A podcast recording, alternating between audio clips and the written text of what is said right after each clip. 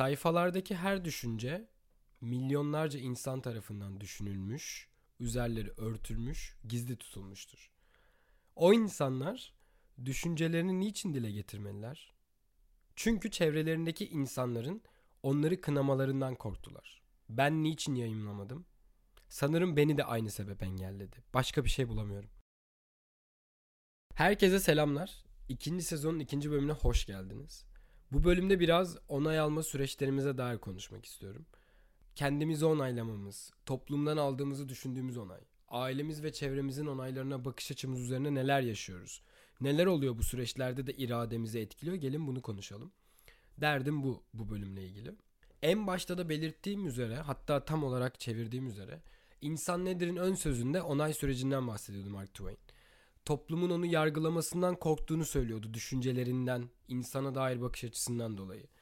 E, hatta yakın arkadaşlarına eleştirileri kaldıramayacağından endişelendiğini belirtti defalarca. Bu yüzdendir ki şey dedi. E, ben ölüm hani benim ölümme yakın e, kitabı basarsanız insan nedir'i daha mutlu olurum gibi bir şey belirtmişti. Zaten ilk nüshayı da sadece 250 tane kopya aldırttı ki o da yakın çevresi için. Bu kitap ayrıca 1905'te yayınlanan bir kitap yani. Çok eski bir tarihten bahsediyoruz aslında. Ee, insan tabii ki kendi varlığı üzerine yüzyıllardır düşünen e, bir canlı zaten. Kitap gerçekten yayınlandıktan sonra içinde bulunduğu o edebi oluşumda oldukça ciddi eleştiriler aldı bu arada yazdıkları dolayısıyla Mark Twain insanlığın onurunu yok ediyorsun bu bakış açısıyla gibi ithamlarda bulunlar ama Mark Twain şöyle diyor.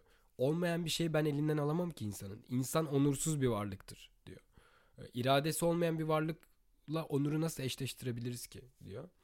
Ee, yani karşı argüman da bu kadar güçlü ve pozisyonunu da böyle bu, buna dair ayarlayan bir e, yazardan, bir kişiden, düşünürden bahsediyoruz.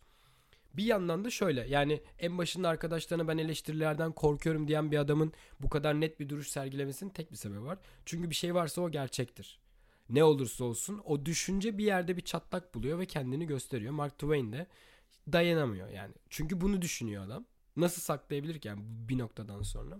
Aklıma benim de bu kitaptan sonra kınanma korkumdan dolayı aylarca kendi kendime çekip kayıt ettiğim ama paylaşmadığım podcastler geldi arkadaşlar. E, tabii siz bilmiyorsunuz. Yani ilk sezonda 13, ikinci sezonda bununla beraber 2 olmak üzere toplamda 15 tane yayınlanmış podcast'im var Spotify'da.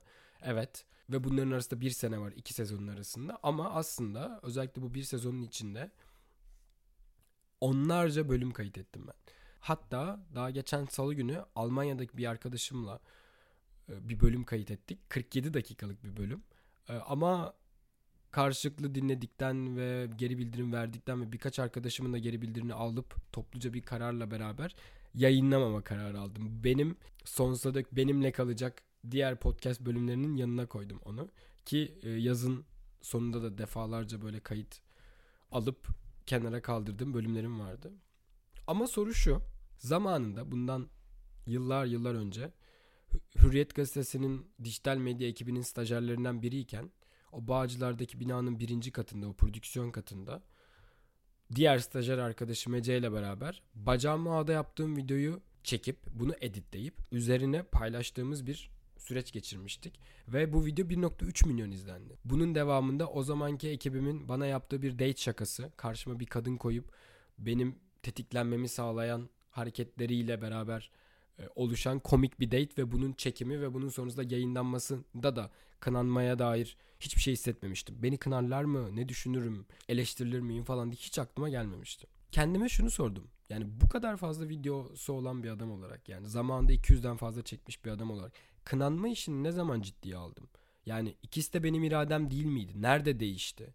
Ne oldu da o onaylanma durumunu kendi özümden alıp dışarıya vermiştim? Bunu sorguladım. Gerçekten. Özellikle bu kitabı okuduktan sonra daha da üzerine düştüm. E, hatta arttırıyorum. Daha çok yeni başka bir konuda da tetiklendiğimi hissettim. Buddies diye bir dizi izliyordum son zamanlarda. Bunu bitirdim daha yeni. Bu diziyi izlerken bir bölümünün bir sahnesinde bu iradeyle ilgili bir sohbeti yakalayıp e, bununla ilgili kesinlikle konuşmam gerektiğini, buna dair odaklanmam gerektiğini düşündüm. Tamam dedim. Evet bu bölümde bunu konuşacağız.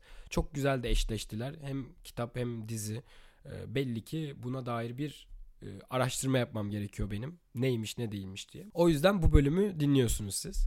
Bu arada Buddies 2023'te yayınlanmış. Daha bu sene yayınlanan İngiliz yapımı bir Netflix dizisi.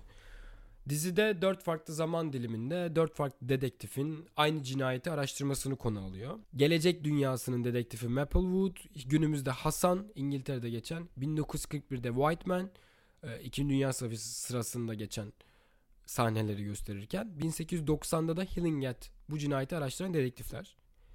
Ama bu dedektiflerden bir tanesi benim için çok özel. Maplewood. Ee, çünkü Maplewood bir bölümde Gabriel Defoe'yu evinde ağırlamak zorunda kalıyor diziye göre. Çünkü şehirde en güvenli bulduğu yer evi bu dedektifin.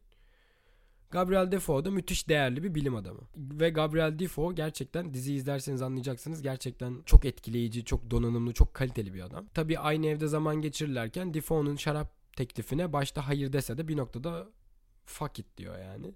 Ve onunla beraber içmeye başlıyor bizim dedektifimiz. Masum olan dedektifimiz. Ve bir kade, iki kade, iki kade şişe, sonra ikinci şişe derken şarabın da vazgeçilmezi olarak sohbet derinleşiyor. Ve tam o noktada Maplewood, Defoe'nun her şeyin önceden belirlenmiş olduğu düşüncesine karşı çıkıyor. Ve ağzından şu cümleler dökülüyor. Maplewood diyor ki Defoe'ya, kafası da güzel, e, mazlum mazlum bizim e, erkek karakterimize bakıyor. Şöyle bir cümle kuruyor. I live in a world where I choose. I make things happen diyor Maplewood. Seçimleri benim yaptığım bir dünyada yaşıyorum. Bir şeyleri gerçekleştiren benim.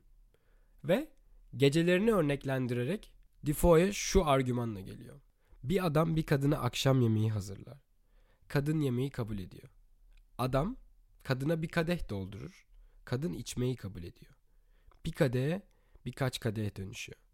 Kadın Fransız şarabını gerçekten sevdiğini fark ediyor. Ve ikinci şişeyi açıyor. Kendi özgür iradesiyle.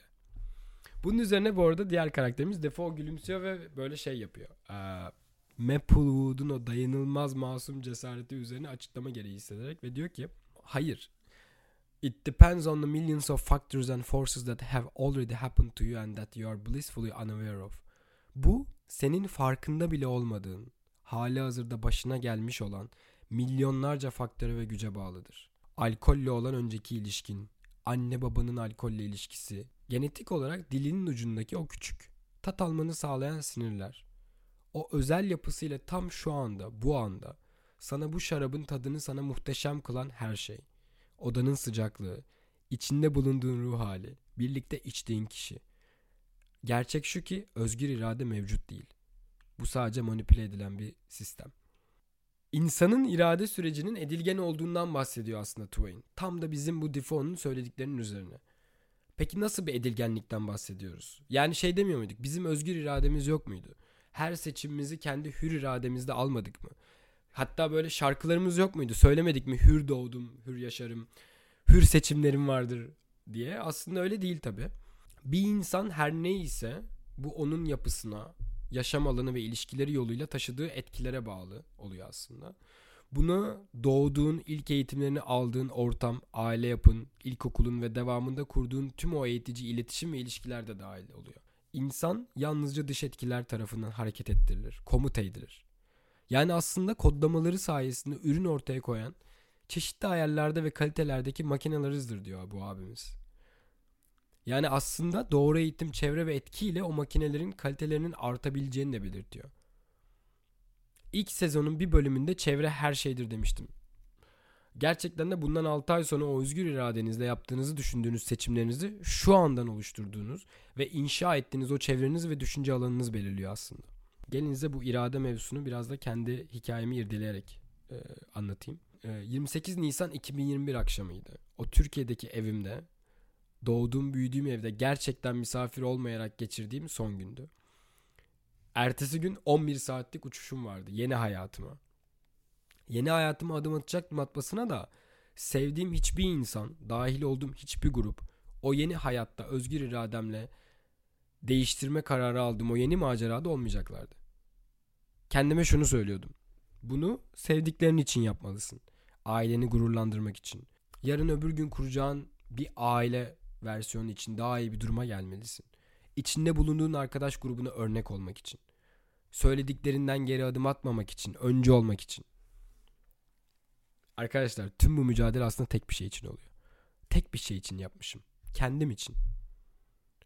Kendi kendine onaylamak sadece ve sadece içsel olarak yaptım demek ve iyi hissetmek için. Bu kadar. Geri kalan her şey bizim kendi isteklerimizi, kendi isteğimizi, o içimizdeki onayı normalleştirmek adına bulduğumuz bahaneler, sebepler.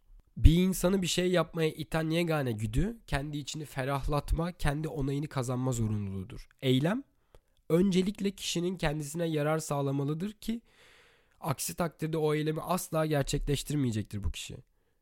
Bunu bir başkası uğruna yaptığını düşünebilir. Fakat aslında öyle değildir.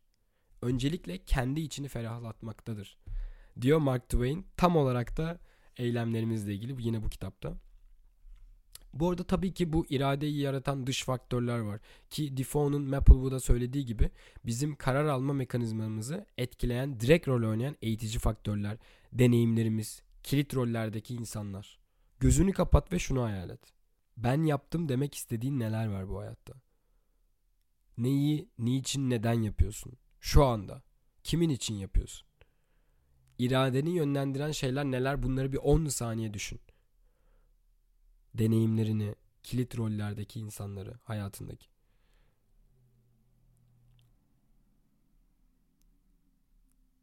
Onlarca şey geldi aklına değil mi? Tüm bu hikayenin özünde şu var. Kendini onaylamak. Kendi kendine koyduğun bir standart var. O standartların boyutu ve içeriği de yine içinde bulunduğun ortama, aldığın donelere göre şekilleniyor. Gerçekten ama gerçekten istediğin şey ne ve bunun ne kadar farkındasın? Bunu incelemek bence insanın yapabileceği en değerli şey. Vücudunun, beyninin bazı ihtiyaçları var. Bazılarımız gerçekten de basit makineleriz. Aldığımız ham maddeyi hiç geliştirmeden ürüne dönüştürüyoruz. Bazılarımız daha komplike. O aldığı eğitimden, aile yaşantısından, yaşadığı deneyimlerden dolayı daha nitelikli bir üretim süreci yaşıyor. Gözlem yeteneğiyle aldığı bu kodları geliştirip üstüne koyarak bambaşka ürünler çıkarıyor ortaya. Ama basit makineden müthiş donanımlı bir sisteme geçmek de yerinde kalıp aldığını vermek de senin elinde oluyor. Farkına vardığında aslında beni kınar mı acaba dediğin toplumun ya da çevrenin aslında ne kadar sorunlu olduğunu, kendisinden başka hiçbir şeye aslında çok da kalıcı dikkat etmediğini fark ediyorsun. Çünkü herkes kendi hikayesini yaşıyor. Bu hikayeyi yaşamak da, yazmak da senin elinde oluyor iradeni etkileyen, manipüle eden onlarca faktör vardı. Varlar ve var olmaya devam edecekler. Ama bu faktörleri yontmak, iyi gözlemleyip kendi istediğin ürüne doğru evriltmek de yine senin elinde oluyor. Mesela kitabında Mark Twain iki karakterin düşüncelerini çarpıştırıp bize fi- bir fikir vermeye çalışırken genç adama şöyle bir soru sorduruyor. Diyor ki insanın yaratma gücü yoksa Shakespeare o kadar muazzam eserlere rağmen bir şey yaratmadı mı diyoruz yani. Yani yaratıcı değil mi Shakespeare? Yaşlı ve bilgi olan adam şunu söylüyor. Shakespeare'in üstünlüğü bizler gibi basit makine olarak kalmayıp dış etkenlerle kendini olağanüstü kaliteli bir makineye dönüştürmüş olmasından kaynaklanıyor. Ürünler dışarıdan geliyor. Hepimize geldiği gibi. Ama çeşitli öneriler, deneyimler sayesinde Shakespeare mümkün olabilecek en mükemmel ürünü ortaya çıkarıyor. Yani aslında şahsi hüner dediğimiz şey gözlem yeteneği. Ve bunu doğru yönde eğitim, etki ve yetişme ile ürüne dönüştürüyoruz. Yani bazen çevremizden bize yansıtılan ve gelen etkileri ne kadar okuduğumuz ve ne kadar dönüştürebildiğimiz etkinin kendisinden bile daha önemli oluyor. Bunun farkına varmak gerekiyor. Ve nerede olmak istiyorsan, neye varmak istiyorsan o ancak ve ancak bir sürecin sonunda oluyor. Bir çabanın, bir planın sonucunda oluyor. Şu an neyi inşa ediyorsan 6 ay sonra belki bir sene sonra özgür irademle seçtiğim dediğin şey şu anki inşaatın sonuçları olmuş oluyor aslında. Anlık mutluluk asla ve asla mutluluk getirmiyor. Üçüncü bölümde görüşürüz. Kendine bir sonraki bölüme kadar çok iyi bak.